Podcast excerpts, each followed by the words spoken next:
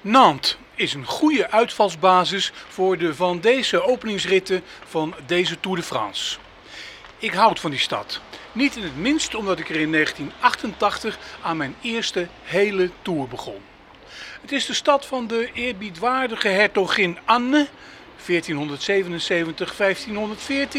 maar ook van de reuzen van straattheatergroep Royal de Luxe. Het zijn 15 meter hoge marionetten die in heel traag tempo voortschokken.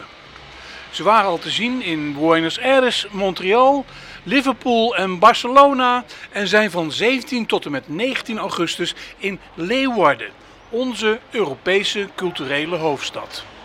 Een toeretappe zit er niet in in Friesland, dus halen ze die reuzen binnen. De duiker, het meisje en Xolo de hond.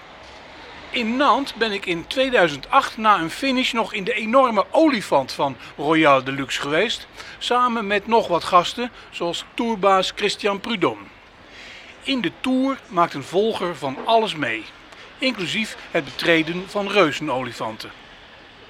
Mijn Citroën DS4 heeft inmiddels de sticker PRES 1111 op de voorruit. Ik heb hem gisteravond neergezet in de Rue de Gemap, vlak bij mijn appartement voor vier nachten in de Rue Émile Péan. De wijk heet Champ de Mars, ligt vlak onder het oude centrum met de hertogelijke burcht. Het was rustig, behalve op het terras van de pizzeria, waar België-Brazilië te zien was op een groot scherm. Het was mooi om in Nantes het mirakel van België te beleven. Verder bleef het kalm.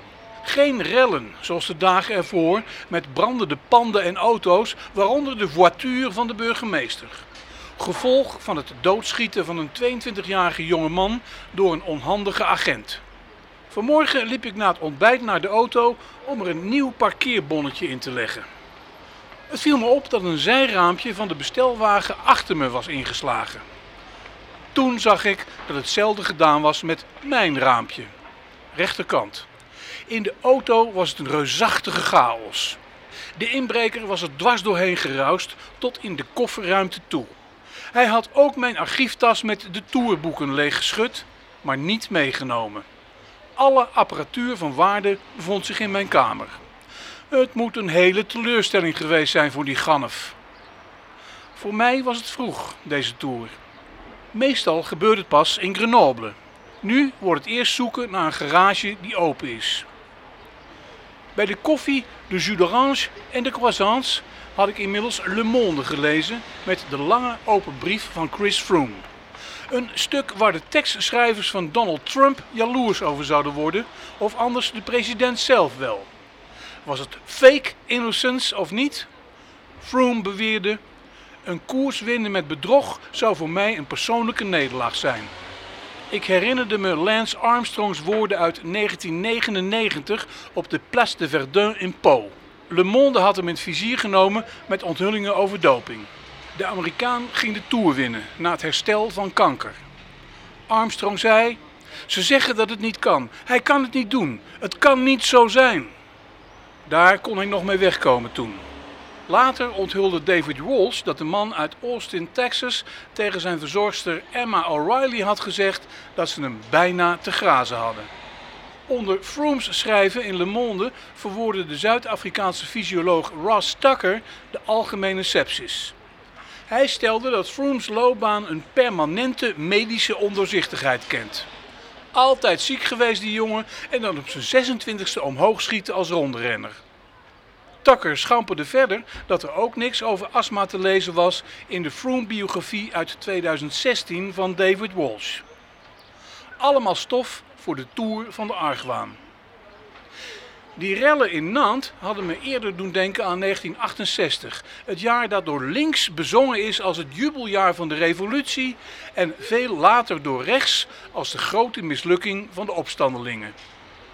Ik denk aan de barricade van Parijs, de dagenlange stadsguerrilla, aangeblazen door de verbeelding die aan de macht kwam. Een illusie was het zeker.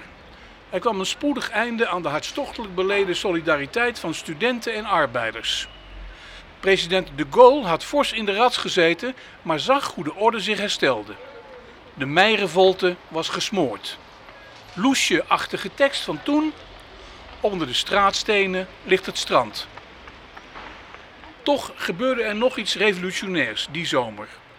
Een Nederlandse man die ze Le Professeur noemde omdat hij een bril droeg, stapte op 27 juni in Vitel in een oranje trui op de fiets voor een proloog. Won na drie weken hard wielrennen door Frankrijk op 21 juli de individuele tijdrit van Melun naar Parijs. En mocht daarna de gele trui aantrekken als beste renner van de Tour de France.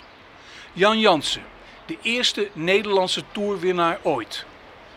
Het was niet het resultaat van sterk solidair werk in de Nederlandse ploeg. Er bestond een zekere weerzin. Ze vonden Jansen een soort arrogante Fransman. De een na de ander stapte af. Hij moest het de laatste week vrijwel alleen doen. Het is 50 jaar later. Ik heb mijn plakboek nog van toen. Ik was 12. In de Volkskrant las ik vlak voor deze tour nog een aardig stuk voor de jeugdige lezers over wie Jan Jansen eigenlijk ook weer was. Een halve eeuw eerste Nederlander die de tour won. Het is een bijzonder menselijk identiteitsgegeven.